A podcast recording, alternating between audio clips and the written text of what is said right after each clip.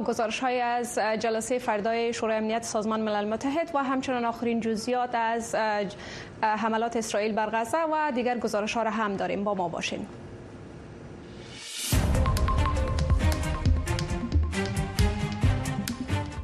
سرخط چند گزارش و خبر امشب تلویزیون آشنا صدای امریکا.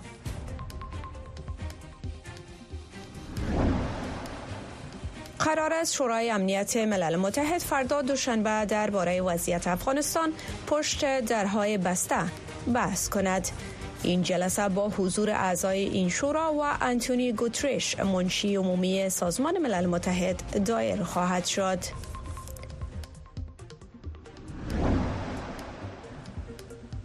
اردوی اسرائیل امروز یکشنبه تصاویر ویدیویی را نشر کرد که نشان می دهد تأسیسات شعب نظامیان در غزه را هدف حمله قرار داده است. و دونالد ترامپ رئیس جمهور پیشین ایالات متحده دیروز شنبه برنده انتخابات مقدماتی حزب جمهوری خواهان در ایالت کارولینای جنوبی شد و نیکی هیلی رقیب همحزبی خود را شکست داد.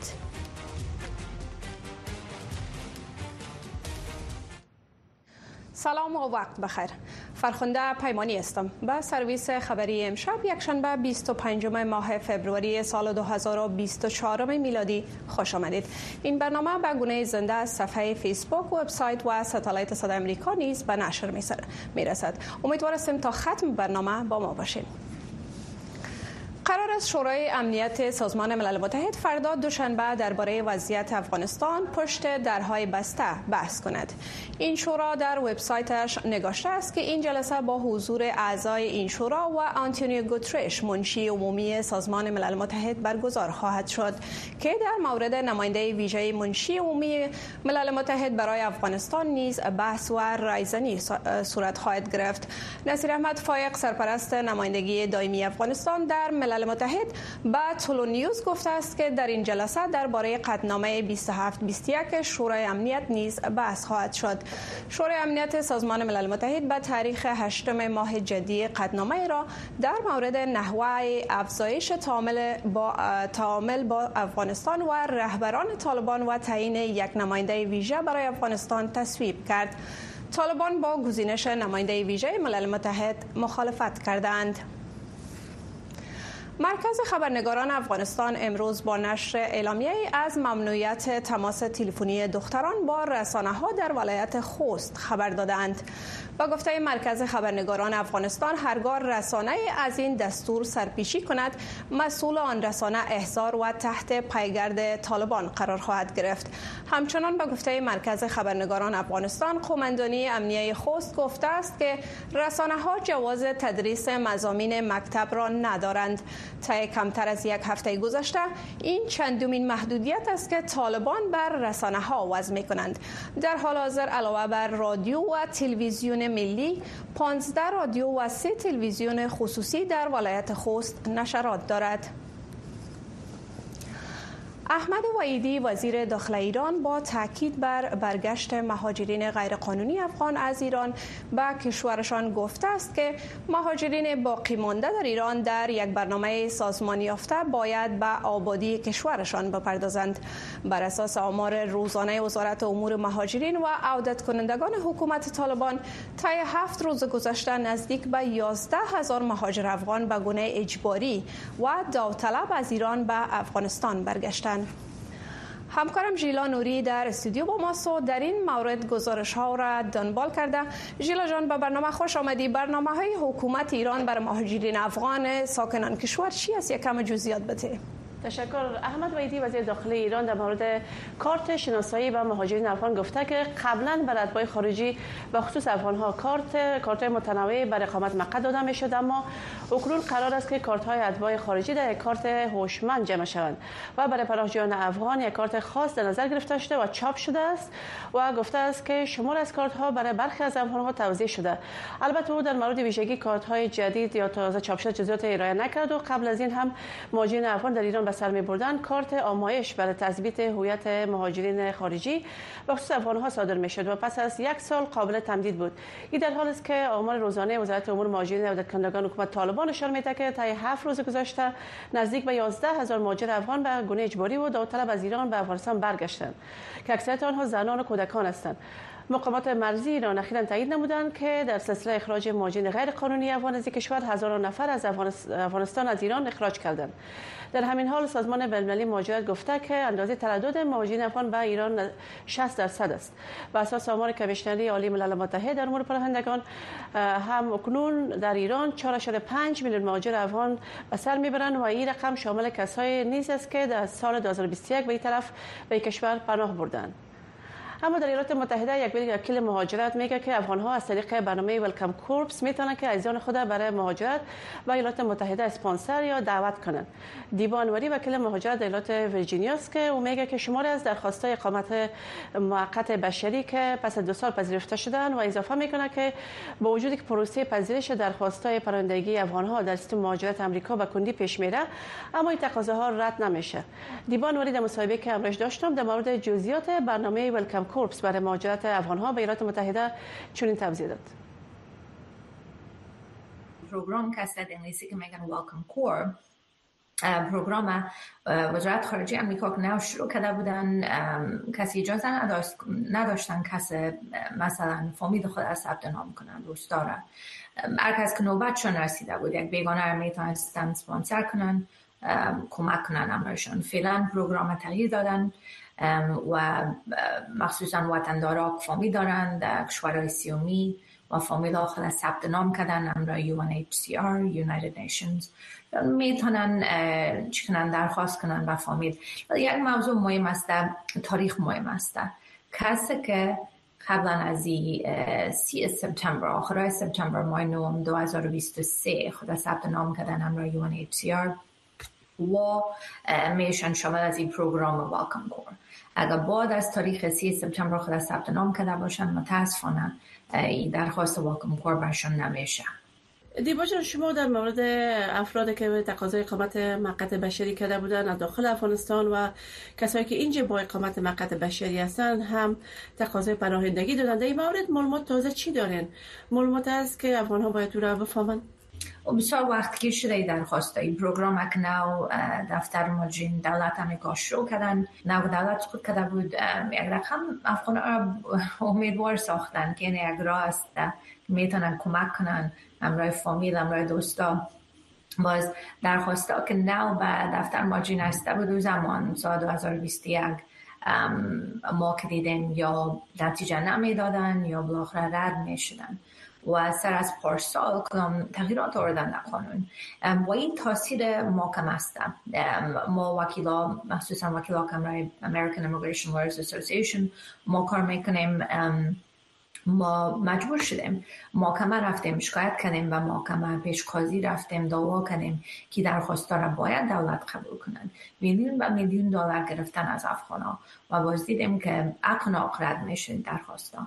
سر از پارسال قانون تغییر دادن و این درخواستا نتیجه میتن مخصوصا درخواستا قوی باشه. کس که فامیلشان هم می‌کنن کار کردن کمک کردن. افغان ها می‌پرسن که پروگرام بشر دوستانه humanitarian program که میگن امریکا این پروگرام بشر دوستانه واز است یا بسته شده؟ نه پروگرام واز است. درخواست نو می‌تونین بندازین برای فامیل و سر از پارسال 2023 ما که دیدیم درخواستان نتیجه میده نتیجه مثبت. کسانی که اقامت موقت بشری تقاضا کردن و بیشتر از دو سال منتظر ماندن. آیا افراد می‌تونن که به محکمه فدرال شکایت کنن و کیس مهاجرت خود ببرن؟ چقدر امکانات پذیرش از افراد وجود داره؟ و شما اشاره کردین که فقط بر کسایی است که اسایوی دارن یا کسایی که از طریق خانواده بر از خانواده خود تقاضای پناهندگی کردن. بر سایر افراد چه اجرات در محکمه فدرال وجود داره؟ بله شکایت که میگم به محکمه. به محکمه میشه. ام به درخواست بشر دوستانه. اگر بسیار وقتی شود طولانی سر از وان باز راجین کمرای ما کار می‌کنن.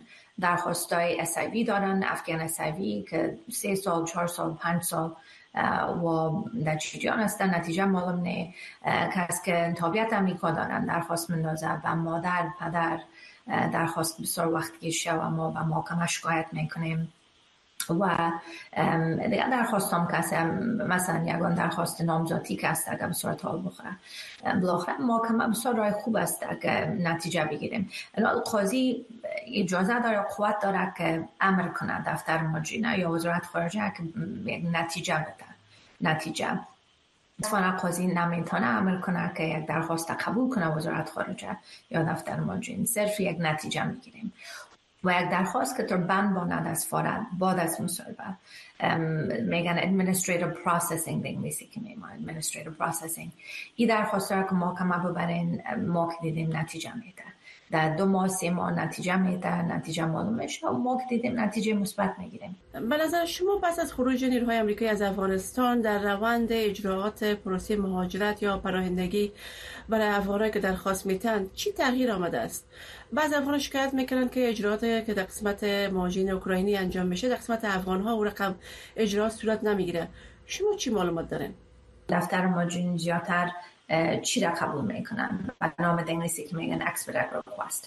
Expedite request مانا میده که یک درخواست در جریان مانده می‌تونیم خط یا ایمیل روان کنیم به دفتر ماجین به وزارت خارجه برشان تشریح کنیم که آدم یا تناس داره یا زهیر است یا خدا نخواست تکلیف داره تدوی کار داره و بالاخره زودتر نتیجه می‌گیریم و دیدیم که تغییرات هم در قانون آوردن زیادتر درخواست افغان ها را قبول می‌کنن زودتر قبول می‌کنن. یگان قانون که تغییر نخوردن. مثلا فکر می‌کنم یک مدت ما پیش بود در بی بی سی یک راپور آمده بود که درخواست افغان ها کدام تغییرات در قانون آمده بود.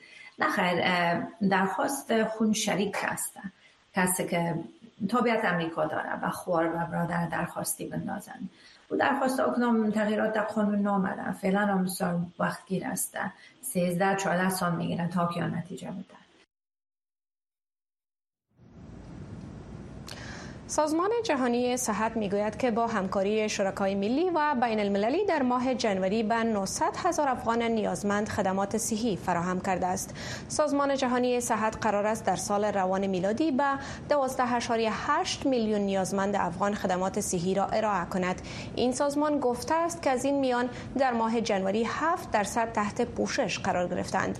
معلومات اداره هماهنگی امور کمک های بشری ملل متحد نشان می‌دهد که در سال روان میلادی 17.9 میلیون نفر در افغانستان به خدمات صحی نیازمند خواهند بود. اتاق مشترک تجارت افغانستان پاکستان می‌گوید که به دلیل برخی اقدامات حکومت پاکستان بخش اعظم تجارت ترانزیتی افغانستان از پاکستان به ایران منتقل شده است. زیال حق سرحدی هماهنگ کننده این اتاق در خیبر پشتونخوا. به صدای امریکا گفت که تاجران افغان 70 درصد تجارت ترانزیتیشان را اکنون از طریق بندرهای چابهار و بندر عباس ایران انجام می‌دهند.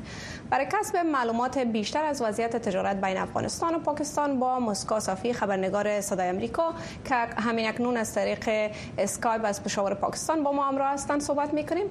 مسکا جان سلام و وقتت بخیر. دلیل این کاهش تجارت بین دو کشور چی بوده و چطور تاجران افغان به بنادر ایران روی آوردن؟ سپاس فرخنده جان. همانطور که شما گفتین آقای سرحدی هماهنگ کننده اتاق مشترک تجارت افغانستان و پاکستان در خیبر پختونخوا گفته که در ماه اکتبر سال گذشته فرمانی که از سوی حکومت موقت پاکستان صادر کرده بود بر اساس آن هزاران کانتینر تاجران افغان در بندر کراچی متوقف گردیده بود و همچنان بعضی از اموال تجارتی از سوی پاکستان برای ترانزیت از طریق پاکستان منع قرار داده شده بود که پس از آن خسارات هنگفت به تاجران افغان رسیده و همین هم باعث شده که تاجران افغان به برادر ایران رو گرداندن. از سوی دیگر آقای سرحدی گفته که بسته ماندن مرز ترخم و داشتن ویزا و پاسپورت برندگان افغان یکی از عمده ترین موانعی است که تاثیرگذار است بر تجارت این دو کشور. از سوی دیگر آقای سرحدی افزود و گفت که پیش از این میزان تجارت افغانستان و پاکستان به 2.5 میلیارد دلار می رسید و همکنون کاهش یافته و به یک میلیارد دلار رسیده و گفته که این مشکلات را با مقامات در جریان گذاشته و تا زمانی که حکومت جدید در پاکستان ساخته نشود ممکن مشکلات به زودی حل نشود بله. یک جان سپاس از مسکو صفی خبرنگار صدای امریکا که از پشاور پاکستان با ما بودند آخرین جزئیات از حملات اسرائیل بر تأسیسات شبه نظامیان در غزه و برنده شدن دونالد ترامپ رئیس جمهور پیشین ایالات متحده در مرحله مقدماتی حزب جمهوری خواهان در ایالت کارولینای جنوبی را پس از یک وقفه می‌بینیم.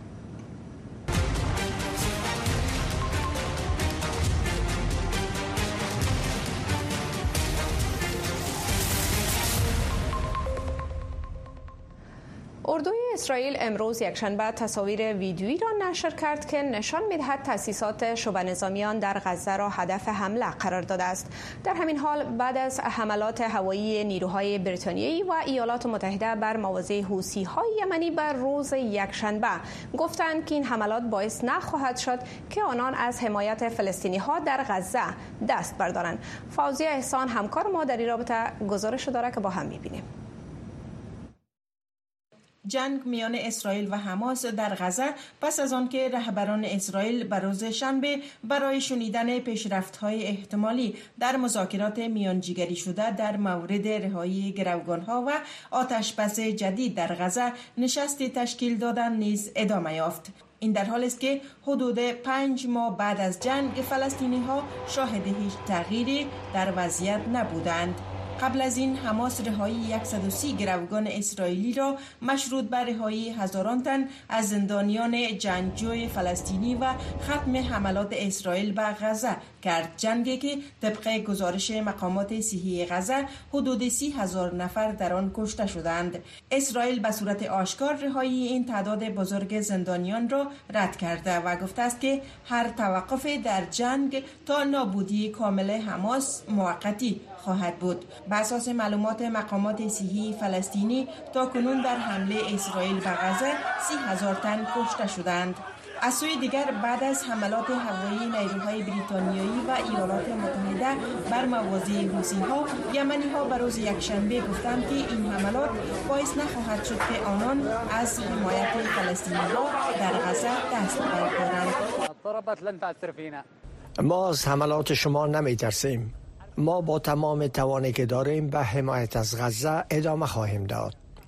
این تازه ترین اقدام نظامی علیه گروه مرتبط به ایران است که به حمله به کشتی های تجاری در منطقه ادامه داده است. یک شهروند دیگر یمن گفت این حملات از سالها به این طرف ادامه داشته است. ما از این حملات که ما را هدف قرار می دهد نخواهیم ترسید و ناامید نخواهیم شد. نه سال است که آنان به ما حمله می کنند و ما نخواهیم ترسید. اگر خواست خدا باشد ما برای غزه و فلسطین پیروز می شویم ایالات متحده تقریبا روزانه حملات هوایی را علیه حوسی ها که بخش های پرجمعیت یمن را تحت کنترل دارد انجام می دهد. این حملات تاکنون نتوانسته منجر به توقف حملات حوسی ها شود که سبب برهم خوردن تجارت جهانی و افزایش نرخ حمل نقل تجارت بحری شده است. دونالد ترامپ رئیس جمهور پیشین ایالات متحده امریکا روز شنبه 24 فوریه برنده انتخابات مقدماتی حزبی جمهوری خواهان در ایالت کارولینای جنوبی شد و نیکی هیلی رقیب هم حزبی خود را شکست داد. اما خانم هیلی می‌گوید که به مبارزات انتخاباتیش کم از کم تا مرحله مقدماتی پنجم مارچ که در 15 ایالت برگزار خواهد شد ادامه خواهد داد. روی زمانی گزارش صدای امریکا را به توجه میرساند یک پیروزی دیگر برای دونالد ترامپ رئیس جمهور سابق ایالات متحده آمریکا در انتخابات مقدماتی حزب جمهوری خواهان به هدف برگشت به قصر سفید. یک پیروزی حتی بزرگتر از آنچه انتظار داشتیم. نیکی هیلی رقیب دونالد ترامپ در ایالت خودش جایی که او به حیث والی ایفای وظیفه کرده است پیروز نشد. اما او به طرفدارانش گفت که به مبارزات انتخاباتیش ادامه می دهد شمار زیادی از رای دهندگان در انتخابات مقدماتی جمهوری خواهان هستند که خواهان تغییر می باشند خانم هیلی با این استدلال که جوان و پر انرژی است خود را به عنوان جاگزینی برای رای دهندگانی می پندارد که نمی‌خواهند رقابت بین ترامپ و جو بایدن رئیس جمهوری ایالات متحده در انتخابات عمومی ماه نوامبر صورت گیرد. خانم هیلی به حیث نماینده ما در سازمان ملل متحد بسیار عالی بود و فکر می کنم که او سابقه سیاست خارجی بسیار قوی دارد و رهبر خوبی خواهد بود. او در سن مناسب هم قرار دارد. اما شمار دیگری از رای دهندگان در کارولینای جنوبی در حالی که از گفتن این که به چی کس رای دادن خودداری می کنند هیلی را به عنوان بخش از تشکیلات سیاسی مورد انتقاد قرار دادند. چیز. خانم هیلی به نوع برای پول کار می کند نظرات او بر اساس سهم بزرگتر تغییر می کند و هر کسی که بیشتر به او پرداخت می کند اینجاست که رای او نیز به همان سمت می رود. اما حامیان ترامپ در این ایالت می‌گویند که مبارزات ترامپ در انتخابات 2024 برای کسب قدرت نه بلکه برای مردم است. Um, برگشت به اقتصاد بهتر آزادی رهایی از شر افرادی که مرتکب جنایات می شوند مانند این حکومت فعلی پیروزی برای هیلی در ایالت خودش می توانست شانس نامزدی وی را افزایش دهد. اما هیلی امیدوار مرحله مقدماتی پنجم مارچ می باشد که به نام سوپر سه شنبه یاد می شود و در آن انتخابات درون حزبی در 15 ایالت و یک قلمرو امریکا صورت می گیرد که بیش از یک سوم نمایندگان مورد نیاز برای نامزدی ریاست جمهوری حزب جمهوری خواه را فراهم می سازد حامیان هیلی در کارولاینا جنوبی می گویند که او طرفدار زیادی در سراسر کشور خواهد داشت. اما سوی هم شمار از رای دهندگان در این ایالت می‌گویند که حتی اگر ترامپ پیشتاز هم باشد چهار قضیه محکمه جنایی علیه او می‌تواند پویایی رقابت را تغییر دهد. رویا زمانی تلویزیون آشنای صدای امریکا واشنگتن.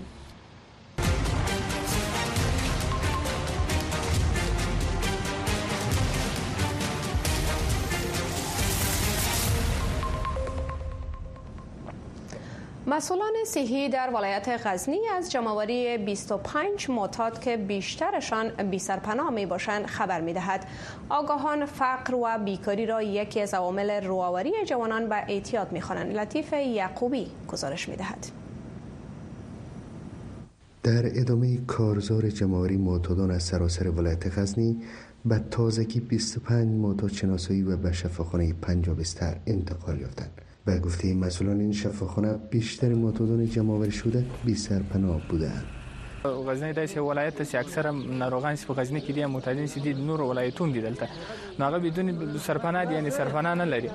نو کوشش کوو هغه مریضان چې هوا یخه ده او سرپناه نه لري اکاولت وغوته ور په جمعوري کو نو تقریبا د زمي په جریان کې موږ دوه درې واري جمعوري کړې ده. اوس هم 13 ورځ تقریبا 15 نفر چې موږ جمعوري کړی و د تداوی موده پر سوي ده. نو هغه رخصت کړو. نو 15 بسره د مو خالی ولو چې هغه مو یو ټیم صاحبي ټیم صاحب ته ولېګل تاسو جریان کې اس 15 نفر په شاوخه کې د غزنی په غجو کې سدي وسی یا ستوي رباري ولته لوګو جیم را جمعوري کو سرپناه نه لري تداوی په مخه مو شفاخانه ته راوړل برخی معتادان که بیش از نیم عمرشان را در استعمال مواد مخدر سپری کرده از این اقدام مسئولان صحی استقبال می کنند. پلیس جمعوری که خوب است شفاخانه کلگی ترک می‌کنه کلگی از این مرض خطرناک مزمن نجات پیدا کنه.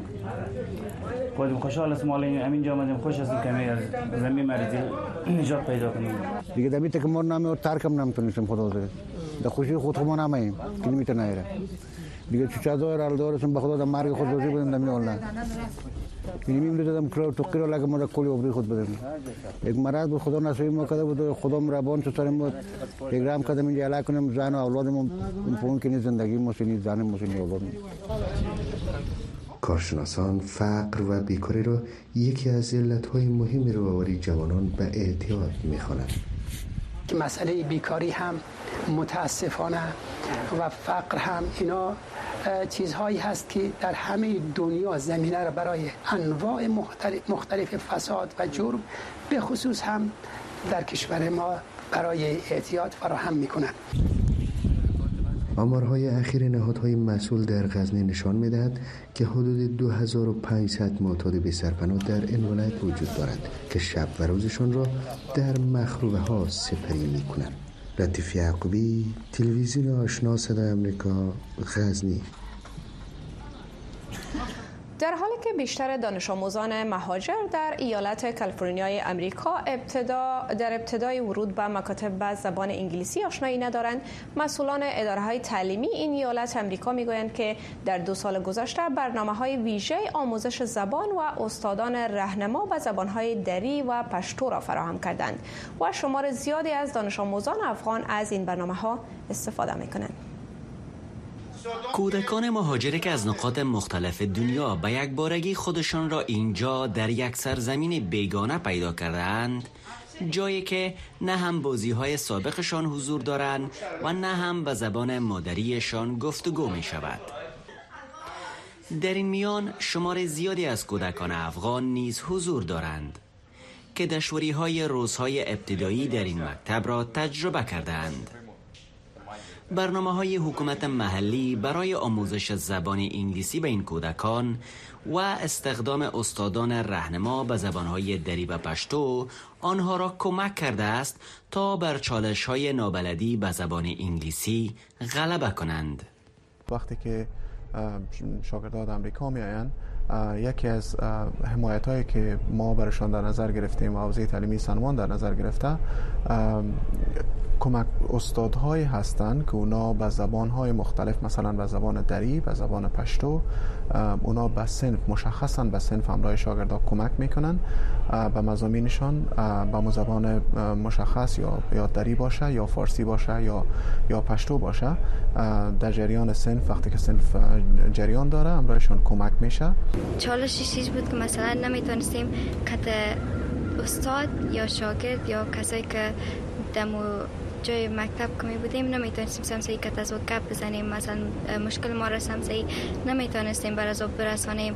درس خواندنش و چیزایی که بر ما یاد می‌داد. استاسا کم کم یاد گرفتیم اما اولش سخت بود. از افغانستان که آمدم بسیار انگلیسی یاد نداشتم. و وقتی که اینجا آمدم بعض ترجمان افغان مر کمک کردم و به سنفا انگلیسی زیادتر رفتم که انگلیسی کمی قوی کنم. و امی سنفا انگلیسی که اینجا دارم ترجمان افغانم داره که به بیشتر, بیشتر جا مر کمک می‌کنن. با آنکه خدمات ترجمه از ضروریت های اساسی دانش آموزان تازه آمده به امریکا است اما این مشکل هنوز هم در بسیاری مکاتب حل نشده باقی مانده است. چون از یک سو مترجمان کافی در مکاتب وجود ندارند و از سوی دیگر شمار زیاد مهاجران همه روزه وارد این ایالت می شوند. ترجمان در یگان سنفا می باشه اما در یگان سنفا نمی باشه آقر ترجمان در این مکتب نیستن از مخاطر به هر شاگرد نمی‌تونن رسیدگی کنن اما وقتی که اگر شاگرد بسیار زیاد کار داشته باشن ترجمان میشه برشون کمک می‌رسه مسئولان اداره تعلیمی ساکرامنتو می‌گویند در کنار عدم آشنایی به زبان انگلیسی دانش آموزانی که از افغانستان به این ایالت منتقل می شوند سطح تحصیلیشان با دانش آموزان امریکایی تفاوت زیاد دارد که باعث می شود در سالهای اول این دانش آموزان با مشکلات جدی روبرو شوند. فهیم صدیقی تلویزیون آشنای صدای امریکا کالیفرنیا. امریکا یکی از کشورهایی که میزبان فرهنگ ها، میلیت ها، سنت ها و ارزش های متنوع و بسیار مختلف از سراسر جهان است. زندگی در امریکا و مهاجرت به اینجا مانند سایر کشورها سختی ها و لذت های خود را دارد. برخی افراد با تلاش و با استفاده از فرصت ها می توانند به رویاهای خود برسند و برخی ها با مشکلات روبرو می شوند. زندگی در امریکا. هر جمعه از ساعت 6 الا 6 نیم بعد از ظهر به وقت افغانستان. بینندگان عزیز این بود داشتهای برنامه تلویزیون آشنا صدای امریکا که تقدیمتان شد لحظات بعد شما شنونده و بیننده نشرات رادیوی آشنا خواد بود. تشکر از اینکه ما را تماشا کردین. ایام و کامتان.